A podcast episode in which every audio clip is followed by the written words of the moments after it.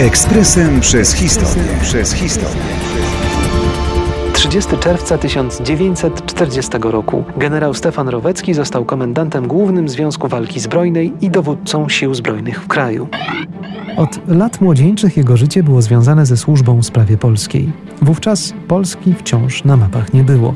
Już w roku 1911 Stefan Rowecki został członkiem tajnej drużyny skautowej. Dwa lata później wstąpił do polskich drużyn strzeleckich w Warszawie. Z tym miastem związany był wówczas już od roku, bo to właśnie tu podjął studia techniczne. Kiedy wybuchła I wojna światowa, Rowecki walczył w szeregach legionów polskich Józefa Piłsudskiego. Kiedy Polska odzyskała wolność w listopadzie 1918 roku, Stefan Rowecki włączył się czynnie w rozbrajanie niemieckiego okupanta.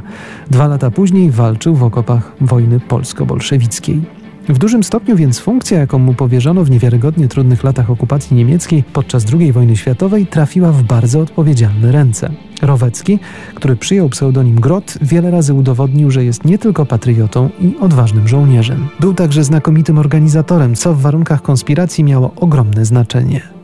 Starał się też wygaszać spory w łonie konspiracji. W grudniu 1941 roku zanotował: Szybkość przegranej we wrześniu 1939 roku była poważnym ciosem dla samopoczucia wszystkich żołnierzy. Wrzesień stał się przyczyną zarzutów, że wojsko nie potrafiło się oprzeć uderzeniu niemieckiemu, że dowódcy uciekli, a żołnierze nie chcieli się bić, że wojsko po prostu załamało się, rozprzęgło i właściwie bez walki uszło z pola.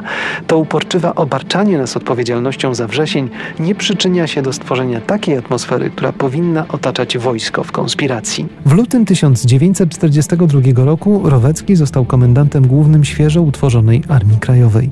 Od tego momentu Niemcy wychodzili z siebie, by ująć Grota. Uznano go za wroga III Rzeszy numer jeden na terenach okupowanej Polski. Udało im się aresztować Roweckiego dopiero 30 czerwca 1943 roku, a więc dokładnie trzy lata po tym, jak objął on funkcję komendanta głównego ZWZ.